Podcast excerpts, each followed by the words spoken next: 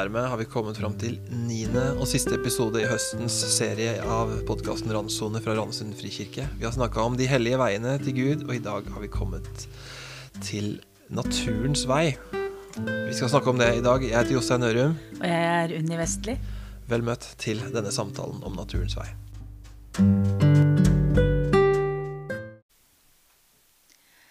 Herre, vår Herre, hvor herlig ditt navn er over hele jorden, du som har bredt ut din prakt over himmelen.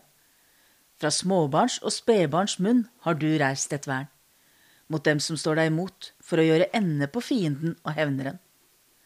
Når jeg ser din himmel, et verk av dine fingre, månen og stjernene som du har satt der, hva er da et menneske, at du husker på det, et menneskebarn, at du tar deg av det? Det var noen gamle ord, Unni, Ja, de begynner å bli noen år. Det var fra salmene. fra Salmenes bok i Bibelen. Den åttende salmen, var det ikke det? Det er den åttende salmen, de første versene der. Det tror jeg må være en av de salmene som mange mennesker har dratt fram, eller rista ut av ermet når de har stått ute under en mektig stjernehimmel en kveld, Altså bare det, det spørsmålet var Wow. Var det, Ja. var det et menneske? Når jeg ser alt det her. Alt det som, eh, som du har skapt, og hvor stort det er, og hvor uendelig det er, ja. Mm. På en måte bruker noen veldig veldig små ord på å si noe veldig veldig stort i møte, altså under en stjernehimmel eller i, ute i skaperverket. Så kan vi jo tenke oss når David satt og skrev det, når det var virkelig mørkt Ja, rundt han. vi er jo i ferd med å miste nattemørket. Så en artikkel om i forrige uke. Det er jo ikke så mye mørke steder igjen. Det er så mye refleksjon fra sivilisasjonene. Så, så Så. det er eh, Stjernehimmelen eh, var bedre før i tida, gitt. Ja, den var nok det. Ja. ja, nei, men, eh, men når jeg ser din himmel, et verk av dine fingre, hva er da et menneske? Vi snakker om å møte Gud i naturen, eller i skaperverket i dag. Mm, vi gjør det. Hva er det for noe? Hvordan kan det arte seg? Ja, nå har vi jo fått ett eksempel på det, da. Eh, allerede. Fra David, som eh, Jeg ser for meg at han sitter på taket i nattestid og ser, ser himmelen. Eh, og ser alle stjernene og bare blir helt slått av Guds storhet. Mm, Jeg, har sett for meg at han er ute i ødemarka som sånn ung gjetergutt. Men det er, Ja. det er sann- mer sannsynlig at du har rett. Ja, det kan vel Begge- være begge deler, begge, kanskje. Begge er utendørs. Ja. Ja, og jeg tenker jo at det er akkurat det. Altså, det å være utendørs, det å, det å gå ut, om det er i fjellet eller skogen eller på sjøen eller i ørkenen eller hvor som helst, eh, å være ute og, og det, i det som kanskje mange ville kalle i Guds store katedral. Mm, ja, Eh, det, det uttrykket har jeg hørt før. Det, det, er, må være et eller annet eh, ekte med det. Jeg tror det er så mange som bruker det. Ja, for det er vel den der opplevelsen at mennesker bygger flotte byggverk og lager, byg, lager utsmykninger som skal, eh, som skal eh, hjelpe oss å venne oss til Gud og se Gud. Og så eh, kan man gå ut, og så er det rundt oss. Og så er det Gud som har skapt det. Og så, så er vi bare midt i alt det Gud har skapt, og så kan vi få lov til å se Gud der, møte Gud der, tilbe Gud der.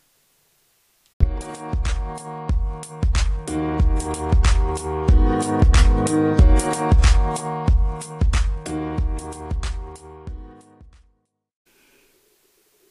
da kaller vi denne veien, denne episoden, for naturens vei. Altså en vei som noen mennesker, kanskje mange mennesker, har for å, å møte Gud. At de kjenner at det er på denne veien at, at jeg møter Gud, eller at jeg kan gi uttrykk for min kjærlighet til Gud. Og også at jeg ser mer av Gud. Og det er det vi legger i disse veiene. Dette er niende. Det betyr at vi har snakka om åtte mm, før. Og naturens vei, til forskjell fra da sansenes vei, som vi har snakka om. Altså det å kunne ta på og føle på og bruke sansene, og at Gud kommer nær. Når liksom sanseapparatet er i sving. Vi har snakka om tradisjonens vei. Det med å ha disse gamle rammene, å være i Sette pris på ferdigformulerte bønner, en liturgi. Eh, bevisstheten om at vi står i en lang, lang rekke. Og det, den er frigjørende. Vi har snakka om enkelhetens vei. Det å kunne Altså, Hvordan noen mennesker da finner glede og egentlig en driv, et behov etter å, å strippe vekk det som er støy, det som er overvekt, det som er i veien for at vi kan møte Gud, og, og gjøre livet enklere, rett og slett. handlingens vei har vi snakka om. Altså aktivistene, de som, de som, virkelig gjør noe. De som for dem troen er et verb. Mm. De går kanskje først i demonstrasjonstog, og de skriver kanskje leserinnlegg når de, når de virkelig må heve stemmen på vegne av noen andre. Og de gjør, gjør tro, snakker høyt og er eh, eh, på en måte gjør noe aktivt. Vi har snakka om omsorgens vei, sånn som gir omsorg til andre, og gjennom det kjenner at eh, det du gjorde mot en av disse mine minste, det gjorde dere mot meg. Um, så var det en vi kalte følelsenes vei. Altså Det spontane, lite planlagte, sterke emosjoner. Å møte Gud i det. Stillhetens vei har vi snakka om. Det å bare være hos Gud. Bare sitte hos Gud. Kanskje ikke ha så mange ord, kanskje ikke ha så mye mer mål med det enn å være i den derre relasjonen da, til Gud. Tankens vei. Forrige episode, som eh, altså, bruker forstanden, bruker intellektet til å nærme seg Gud, til å forstå, se mer av hvem Gud er, og, og komme nærmere Gud på den måten. Så det var kort om de åtte veiene vi har gått fram mot denne siste naturens vei. Mm. Utendørsvarianten. Utendørsvarianten. Hvorfor sitte inne i kirka og tenke på uh, naturen? Ja. Når du kan være ute i naturen og tenke på Gud, er det ja, noen som sier. Og det er vel kanskje disse som er der. Ja, og hva med deg da, Unni, hvis du kunne velge hvis, du, hvis, jeg nå ga deg, altså ikke at jeg er herre over tiden, men hvis du nå fikk en time en time til å bruke den med Gud, ville du gått i et fint kirkerom, eller ville du gått ut i naturen? Jeg kunne faktisk valgt begge deler, mm. men, eh, men, kanskje helst gått ut. Ja. Kanskje helst gått ut, uh, tatt med meg sekken, tatt med meg bibelen min og funnet meg et sted hvor jeg kunne sitte. Mm. Og så bare være mm. sammen med Gud ute uh, i det skapte. Ja, mm. jeg tror det. Jeg tror det er mange, du har mange med deg på det. Um, jeg husker en sånn veldig uh, intens opplevelse, for jeg tror vel det må ha vært i eh, begynnelsen av åttende klasse, andre året på ungdomsskolen. Og første gang jeg var på en leir. Det er poenget mitt her. Første gang jeg var på en leir i ungdomsmiljøet i menigheten. Og da skulle vi eh, vokste opp, opp på Østlandet. Vi hadde en ganske lang vei å kjøre bare fra en fredag til søndag. Men vi skulle til, langt opp i Telemark. Hjartdal. Fjellstoget het det. Jeg var 13 år. 14 år. 14 kanskje jeg hadde blitt. Og så var det jo vanlig i dette ungdomsmiljøet jeg vokste opp, at man hver dag når man var på leirer, enten det var nyttårsleir eller sommerleir eller hva, eller denne, da, som var 1.-3. september, husker det fortsatt, ehm, så hadde man en time fri. Så sto det på programmet 'Stille stund'. Så ok, vær så god, folkens. Finn en eh, møtes om en time, så kan dere være sammen med Gud så lenge. Det, det, var litt sånn. Og da husker jeg da gikk jeg litt overfor dette leirstedet, og så satte jeg meg på en stein, og så så jeg opp på på Lifjell der, da. Fra, på andre siden av over en dal, og så opp på toppene på Lifjell. Og så altså Jeg bare har det veldig sterkt. Jeg husker steinen, jeg husker følelsen, jeg husker den derre her skal jeg være sammen med Gud, og her er disse fjellene, og her er den naturen. Det krøp så tett innpå meg. Så var det liksom den følelsen av, av wow. Mm. Storhet, da. uten at jeg, jeg, hadde nok ikke noe veldig flere ord på det der, men det var liksom bare her eh, Dette, dette var stort, da. Wow. Eh, Salme 8. Gud er her, på dette stedet. Et eller annet med en allmektig universets herre? Det var noe sånt, tror jeg. Eh, det var, det var en sånn type følelse. Mm. Gud var ute i det fri, og der var jeg også. Og var, jeg var tett på det, på en måte. Jeg var i det. Jeg vet ikke helt uh, om jeg den dag i dag har noe særlig bedre ord på det. Nei, og det er jo Det tror jeg er noe av det som de som eh, følger denne naturens vei, av og til kan oppleve. Altså, mange av oss kan kjenne det er fint å være ute, glad i naturen, eh, ute og går. Og så kan man av og til få akkurat den der opplevelsen av at oi, her er Gud, og det er noe stort. Og det er noe mm. mektig. Og det er noe nesten overnaturlig i det. Mm. Overnaturlig i det naturlige. Ja. ja. For, det, for, det, er jo For det er en side av saken, det er litt sånn derre ordløse um, mystiske som ligger veldig veldig tett opp til sikkert mye vi kan finne i andre religioner og, og New Age og sånne ting.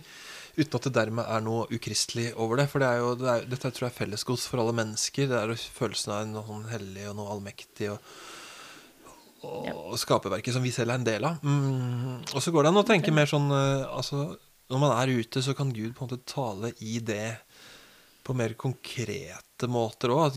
Ikke, ikke som en sånn panteisme at Gud bor i alle ting, sånn, men at Gud er i alt. Gud er til stede i alt, og Gud har skapt alt. og um, Vinden susen i, i, i trekronen ikke sant, forteller noe om uh, altså, Vinden ble begrepet på ånd, ikke sant, Guds pust. Ja. Så det blir, så det blir litt tydeligere en del ting enn når du sitter inne når du går, så hører du denne bekken som risler, og så, da, da, blir det litt annerledes å lese Salme 23, for eksempel. Eller mm. sånn at det hvilens vann, om hvilens vann, eller Jesus som sier 'strømmer av levende vann' når du har det. Ja, bare tenk deg å sitte på en stein ved en grønn slette ved bekken og lese 'Du lar meg ligge i grønne enger'. Leder mm. meg til vann der jeg finner hvile. Mm. Det, er, det, det gir jo annen, en annen dimensjon på det. Ja, jeg tror mange av de som lytter på det her, eh, skjønner hva du sier nå, ja. Linni. Ikke sant? Fordi at det er um, Det er noe sånn rent og ekte ute, da. Det er ikke menneskets uh, rammer, begrensninger og uh, vi skjønner jo alle at det er jo mye skjønnhet i en katedral, f.eks., og en, i kirkekunsten, og, eller en enkel, enkelt lite kirkerom eller bedehusbygg, eller om det er en krok du har hjemme i stua di. Er, altså Gud, Gud, er der også, men det er, mm. det er, noe med at dette ikke riktig blir helt the real thing da, for mange. For mange. Nei, for mm. du skal slett ikke ta bort at det finnes mm. Eh, rom som er bygd for å være hellige. Mm. Eh, og for, som er bygd og via til Gud. Det er jo det er en viktig bit, det. Men det er et eller annet med den Det som Gud sjøl har laga. Ja. Mm. Uh, og jeg veit jo også det, altså den der opplevelsen av å sitte i fjellet. Og sitte bare og se på de mektige fjellene. Mm. Uh, og hvor stort det er. Og så retter jeg blikket ned, og så er det en knøttliten blomst. Mm. Liten blå blomst som vokser rett ved føttene mine, og som jeg kan se på, som er totalt perfekt. Og så tenker jeg det store og det lille sammen. Mm. Så blir det noe Det blir noe helt eget i det. Da kom jeg på, når du sier det, et sånn grukk vi hadde hjemme i mitt barndomshjem. Altså Piet Hein, den danske dikteren som lagde sånne korte ting som jeg vet ikke om noen andre som skriver sånne grukk, men det er sånne, sånne bitte små dikt. Da, hadde, der sto det på den vi hadde hjemme på sånn glassplakett eh, hjemme i stua. Da jeg vokste opp, så sto det Den Guds klarsyn faller på, ser det store i det små. Akkurat det. Altså Spor av den uendelig svære skaperguden i, i bitte, bitte små detaljer i skaperverket. da. Mm. Skaperen har gjemt seg selv i skaperverket på en eller annen måte? Går det an å si det uten å bli øh, veldig sånn utflytende i teologien her? ja, det, ja, jeg tenker det går an å si det. Bare passe på at vi ikke begynner å snakke om at uh, Gud bor Eller altså at, ja, at Gud mm. er det skapte. Ja. For Gud er skaperen. Ja, og større enn, større enn alt det, liksom. Uh, ja. For Bibelen sier jo masse. Det er mange, mange ting bilder som brukes, symboler som brukes, som peker litt på skaperverket her òg? Mye. Mm. Mye. Både i Det gamle testamentet og Det nye testamentet så, så ser vi jo eh, hvordan, hvordan, naturen og det som er rundt oss på den måten, brukes til å lære oss noe om Gud. Ja,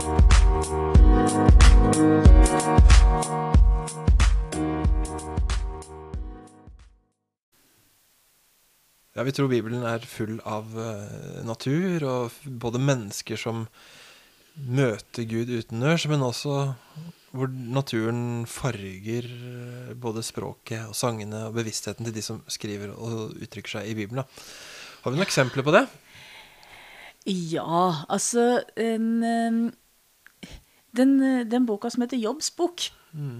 jo ganske, har jo noen ganske spenstige beskrivelser av Gud.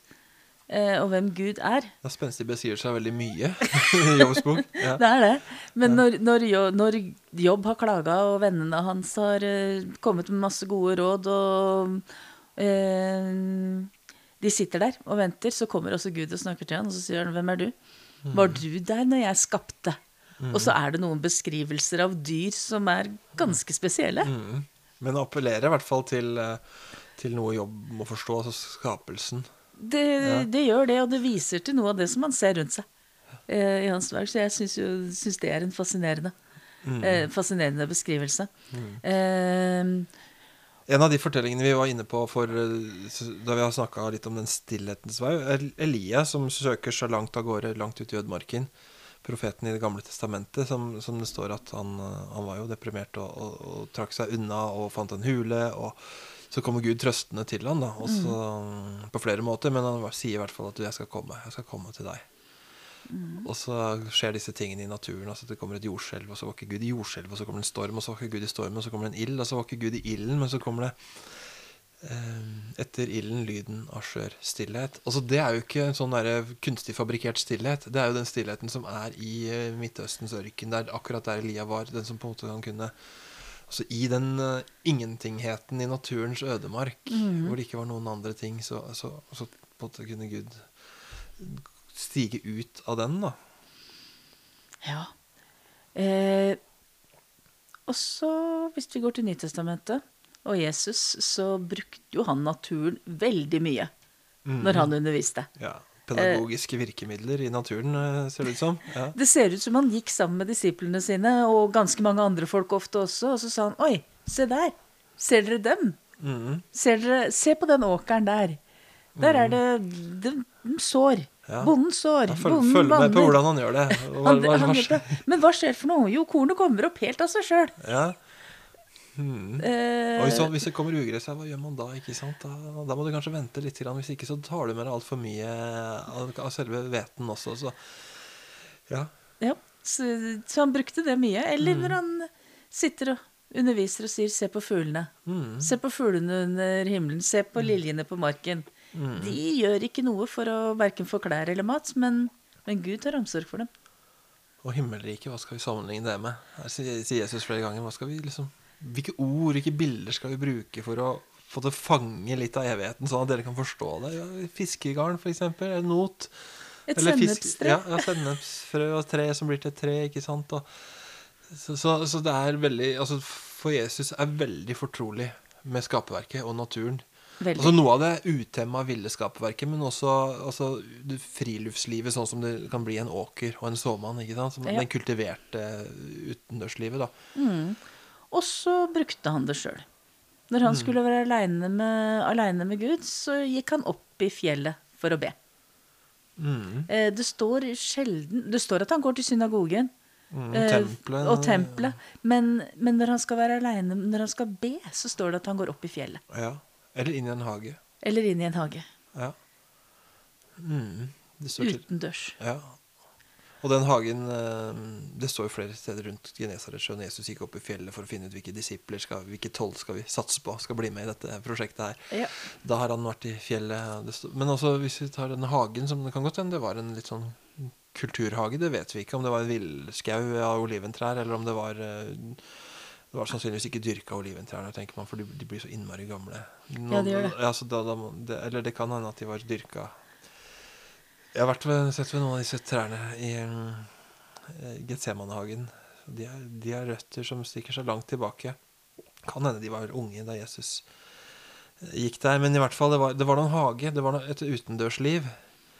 Og, eh, og det står i, faktisk en liksom, bitte liten bisetning i Lukas eh, 22, 39 etter liksom skjærtorsdag. Mell- midt mellom skjærtorsdag og langfredag der. Eh, så gikk de ut i hagen som han pleide. Getsemanhagen. Gikk til Getsemanhagen, denne olivenlunden, som han pleide, som han brukte å gjøre. Altså det var Det var et sted hvor han var kjent, ja. ja. Det ble litt som et sånn slags stamsted, eller her.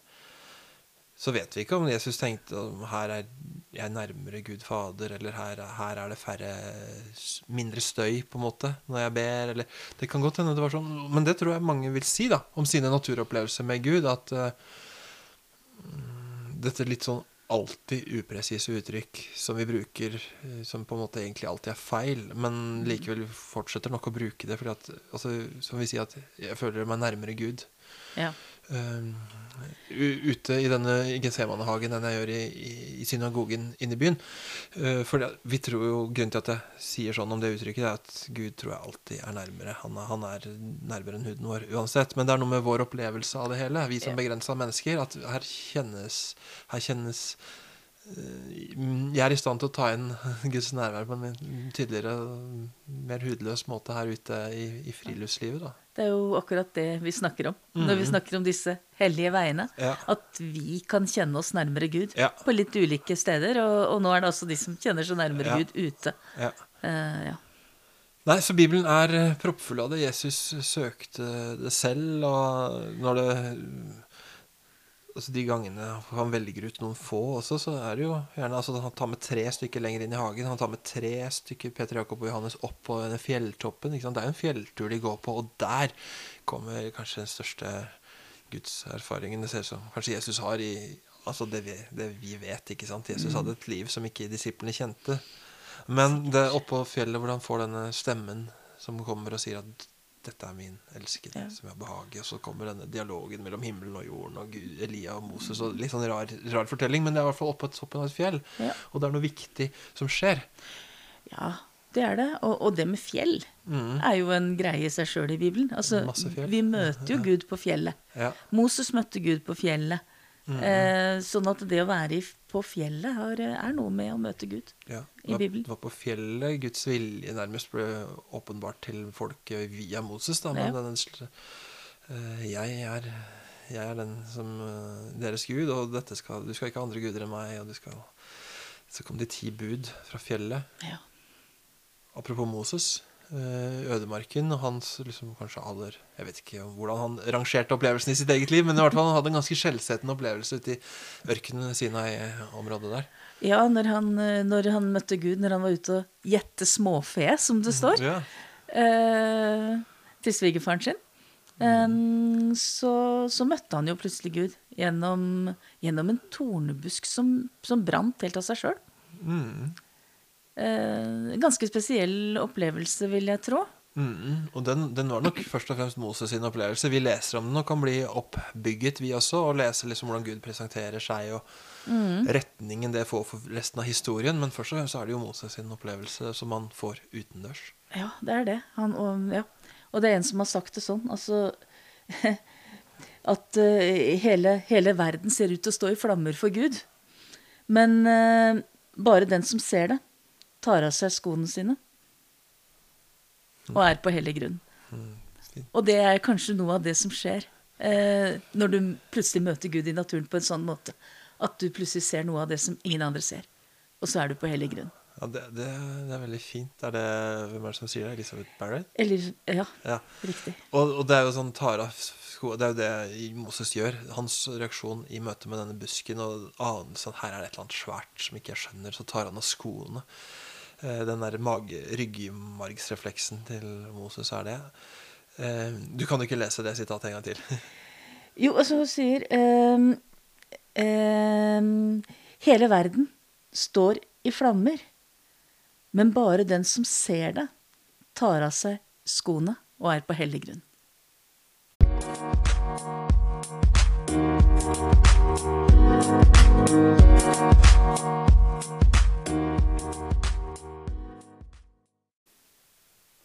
Og hvis vi skal gå litt til kirkehistorien også, så eh, skal jeg ta fram en av de store bautaene i kirkehistorien. Og for forrige uke, eller ja, noen dager siden, to uker siden har det kanskje blitt, eh, så var jeg i den lille byen Assisi i Italia. Eh, Frans sin by. Frans som Et eller annet ved han som gjorde at han blir stående som en sånn eh, slags minste felles multiplum. Alle, alle liker Frans, og når det skal være sånne interreligiøse samtaler, så skjer de rett som det er i Assisi, for han er spiselig på, fra mange kanter, på en måte fra mange tradisjoner. Det var et eller annet med hans eh, Han kunne nok plassert i, i en sånn aktivist. Han var en handlende person. Han var en eh, stillhetssøker. Han, han var mye. Men tenk på dette med naturen også. Han gikk jo mye ute og vandra rundt. Og det er veldig kjente bilder. Vi var inne i denne kirken og så disse freskene av Giotto fra Frans liv. Noe av det kjente der. Han preker for dyrene på marken. Og, og fuglene som kommer til Frans, og sånn, og hva, hva som er sant, og hva som er nesten sant av det. Og, det, det vet vi ikke, men det er i hvert fall en del av tradisjonen. Men det som vi vet om Frans, da, det er at han rett nedenfor Eller det er mye vi vet om Frans, og det, han har ganske godt belagt tradisjon. Mm. eh, rett nedenfor eh, Assisi, nedenfor bymurene, så ligger det en gammel kirke, San Damiano-kirken. Der hadde for så vidt Frans sitt store skjellsettende møte og fikk denne, dette kallet, livskallet sitt der. Eh, Noen år senere så dro han tilbake til San Damiano-kirken og satt ute i hagen der. Og det er der han skal ha skrevet. Så jeg kikka ut i den hagen her forrige uke og så her skal Frans av Assisi har skrevet Solsangen, som den heter. Ehm, som er faktisk eh, det første dikt, italienske diktet som fins. Altså det, det er, det, var før Dante eh, guddommelig komedie Så Det er et veldig sånn stort verk som er tilskrevet Frans, da, som er solsangen. Det er veldig mange vers, og det er blitt en veldig fin For noen år siden så kom det en veldig fin norsk oversettelse som heter 'Takk gode Gud for alle ting'. Hvor han på en måte takker Gud for naturen, for Altså Første verset er jo sånn som det her. Takk gode Gud for alle ting. Først for bror sol, så lys og fin. Han vekker oss hvert morgengry. Og er de tegn i sky. Halleluja, halleluja. Takk for alle dine under. Og så fortsetter å bruke hele tiden Altså, du tenner lys hver stjernenatt. Gir søster måne hennes prakt. Du sender ut bror vind. Han drar omkring til tåken flyr. Sånne uttrykk som dette. Syng søster vann fra kilden dyp. Det er veldig mange vers. Um, men den er veldig, veldig sangbar. Veldig Melodien den har fått, og den norske oversettelsen har fått i, i nyere tid. Eh, Bre ut ditt store hav i fryd. Nå kaster regnet sølv på alt, og jorden jubler der det falt. Takk gode Gud for moder jord. Hun gjør oss ett med alt som gror. Hun bærer trær og blomster fram. Eh, og så syng dag og natt, syng hav og jord. Vi priser Gud i samstemt kor. Her er det naturen, og her er Gud i naturen, og naturen minner oss om Gud, ikke minst. da. Så, så Og derfor er det dette verset. Halleluja, halleluja. Det er jo på det man kanskje det er ikke sikkert det er de ordene vi syns er våre, men i hvert fall er det, noe av den samme følelsen man på en måte kan få i naturen, da, for mennesker langs naturens vei. Altså her Wow. Halleluja. Eller så, så fint dette var. Eller eh, dette, dette er stort på en eller annen måte. Og dette, dette er nært på en eller annen måte. Og her er Gud, da. På en eller annen måte. Mm. Her er Gud, her er jeg. Ja. Ja.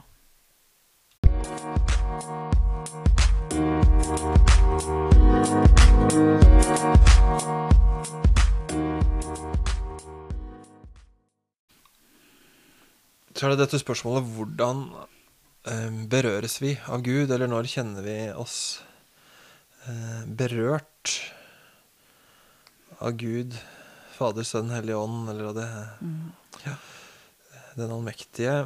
Da vil jo noen si det at øh, Som vi har snakka om i denne høsten, i disse, disse veiene, så vil jo noen si at wow, i den fantastiske lovsangen, den heftige lovsangen, og kan bare stå oppreist og kjenne at der, eh, der treffer Der er bandet i flyten, og, og dette er bare Dette er himmel på jord. Noen vil bli berørt av det, andre vil si eh, i en eh, messe. Sitte på bakerste benk i en høymesse eller høre vakker, vakker korsang i, i, foran i kirkekoret eller i klosteret eller i, i liturgien.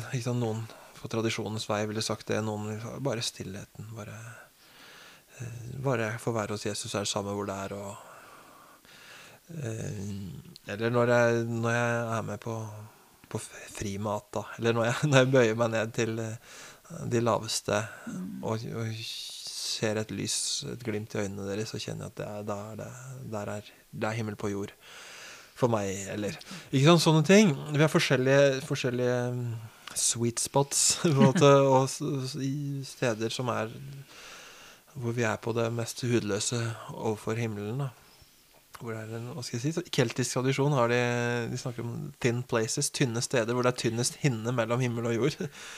Det er et rart uttrykk, men det er noe fint ved det. Eh, og for en, eh, eh, en nat På naturens vei så vil det, det å kanskje se Guds skjønnhet Mhm. Se eh, soloppgangen, da, eller se Lifjells avrundede topper. Som jeg nevnte da jeg var 14 år. Eller um, stjernehimmelen som David. Og det er der der er berøringspunktet mer enn en vakker gudstjeneste eller fellesskapet eller uh, gå først i demonstrasjonstoget mot uh, abortloven. Liksom. For no, noen er jo det at det, der, her er vi. Men, men eh, på naturens vei så er det der Guds skjønnhet, og dermed Gud selv, da, åpenbarer seg. Ja. ja, jeg kjenner jo mennesker som uh, nesten får helt hetta hvis de må være inne i en kirke mer enn en time. Ja. Uh, og som uh, syns lovsang er aldeles håpløst slitsomt. Mm. Uh, men som nettopp elsker det, når de da Ja. kan, kan, kan gå ut. Kan ha en friluftsgudstjeneste for den del. Er du Ja. utendørs, så kan, du, så kan, godt, kan det godt være lenger enn en time. Mm. Ja, For da kunne du som pastor skrevet ut en åndelig diagnose til disse menneskene. De tilhører naturens Ja. vei. Du trenger så og så mange timer ute For å kunne Ja. for å kunne blomstre. ja. For det er jo dette at disse veiene utfyller hverandre, og de, de, det er jo ikke noe sånn at den ene spiller den andre ut. Det er det som er viktig for oss å få sagt. Men vi eh, til, til deg som kjenner at en time i kirken er litt lenge, så det er greit, det. Det er fint. Så da, blir da har du kanskje en utfordring, og da må du finne måter og andre, andre måter også. Ja, eh, ja finn, din, finn den veien som er din. Mm. Uh, tenker jeg at kan være en sånn oppfordring som er viktig å, å Ja. gi, faktisk. Altså prøve ut og se at ja, her, her møter jeg Eller her kan Gud og jeg være sammen. Mm. Ja, ja. På en god måte uten at eh, jeg blir superstressa og sliten av det. For da er du ikke altså vil- Da vil vi likevel si til deg at du, du trenger fortsatt fellesskapet. Jeg tror det er et eller annet i tradisjonene du trenger innimellom. Eller mm, kanskje sansene dine. Ikke sant? Så det, så det er, men, eh, men vit at du må, du må legge til rette sånn at du kan blomstre. Altså Hvis du har et blomsterbed hjemme, hvordan, hvordan behandler vi dette bedet for at blomstene skal blomstre? Da må vi gi sånn og sånn type næring. Vi må felle noen trær rundt som eh, stjeler lyset fra å komme inn. Og, altså Gjøre noen sånne grep, legge til rette for hvordan kan, du- kan du blomstre, da. Mm. Ja, og, og ja, jeg tror det er viktig. Så tenker jeg jo også det du sier, at det betyr jo ikke at de andre veiene ikke Altså du ikke skal være på de i det hele tatt. Eh, og det ser vi jo. Vi har jo nevnt disse bibelske eksemplene våre. Ja. Det er jo få av de vi bare har nevnt på én av disse Mm. Ja. veiene. Ja, vi er sammensatt, og det kan godt hende du kjenner deg inn i, i mange av de tingene vi har sagt. Og vi trenger alle litt av alt, kanskje. I hvert fall om det er vanskelig for oss å engasjere oss i sosiale mot sosial urettferdighet, så om det ikke vi elsker det, så kanskje vi skal gjøre det iblant likevel. Ikke sant? Det er ikke noe Vi har ikke med denne serien ønsket å gi folks fritaksgrunner til eh, en del ting, men nærmest heller finne ditt sted. Ja. Ditt sted, ditt Getsemane. Akkurat Ja. som Jesus gikk dit som han pleide. Mm. Så hva er, hva er ditt, ditt Getsemane, da? Mm. Mm. Og så trenger vi å anerkjenne at Gud er eh, alle stedene. Mm, for Gud er alltid mye større. Et av de fine, vakre tingene som kirkehistorien har gitt oss, dette uttrykket Deus semper major. Gud er alltid større. Gud, Gud er alltid større enn hans og mitt, mitt og hans forhold. Gud er alltid større enn det jeg trodde. Gud er alltid større, rett og slett. Du, Vi får ta noen ting nå på tampen, Unni. Hva må vi passe oss for når vi er, kjenner oss hjemme på naturens vei? Ja, grøfter er det jo på alle disse veiene. Ja. En, og eh, på naturens vei så er kanskje en av, en av grøftene dette med å begynne å tilbe skapelsen istedenfor skaperen. Eh, at, eh, at det er den vakre soloppgangen som vi hilser, istedenfor å tilbe Gud som har laget den, Mm. på en måte. Ja, Vi som kristne vi tror at uh, det finnes en, en trening Gud som er adressen for alt, all, all skjønnhet og alt uh, liksom, i verden som, som kan finnes i alt. Altså, individualisme tenker jeg er en litt sånn uh, overhengende fare for folk Ja. på naturens vei. De kan Nei, vi, vi melder oss litt ut av fellesskapet, for det, det, det er ikke så appellerende for meg. Og det, det er forståelig. Uh, men det er ikke nødvendigvis riktig å, å isolere seg. Det, vi har fått fellesskapet som en gave. Ja. Eh, og vi trenger fellesskapet både for å korrigere og gi oss rettledning. For det er jo også en sånn fare at, eh, at eh, vi møter Gud i skaperverket hvis vi ikke lar oss korrigere av Bibel og fellesskap. Ja. Så kan, kan det vi møter, være noe annet enn Gud. Alltid Bibel og fellesskap eh, som er en sånn korrektiv, uansett hvor vi kjenner oss hjemme her. Ja. Så må vi passe på da, å- i denne individualismegrøfta Rett og slett eh, passe på at vi ikke bruker skapelsesverket og naturopplevelsene for å, å slippe unna eller rømme unna kristenplikten, rett og slett. Kan være, å være det å være noe for andre. Det å, ja. ja, det er ikke bare de som er på som følger omsorgens vei og elsker andre gjennom altså som, som er glad i Gud ved å elske andre, som skal vise andre omsorg. Ja, som vi var inne på med disse som finner Gud i stillheten. Altså, fint det. Oppsøk stillheten, for det må du gjøre for å kunne bevare hjertet ditt varmt, kanskje. Men, men kom ut av den stillheten iblant. Kom, kom ned fra fjellet innimellom. Eh, og så, så dere som Du som finner Gud i naturen, kom ut av naturen noen ganger og gi oss litt av det du har funnet. Kom inn til byen, inn på torget, inn i fellesskapet, inn i kirkerommet. Noen ganger også finn den vekslingen. Bruk det du får fra Gud til å være til velsignelse for andre, kan vi kanskje si.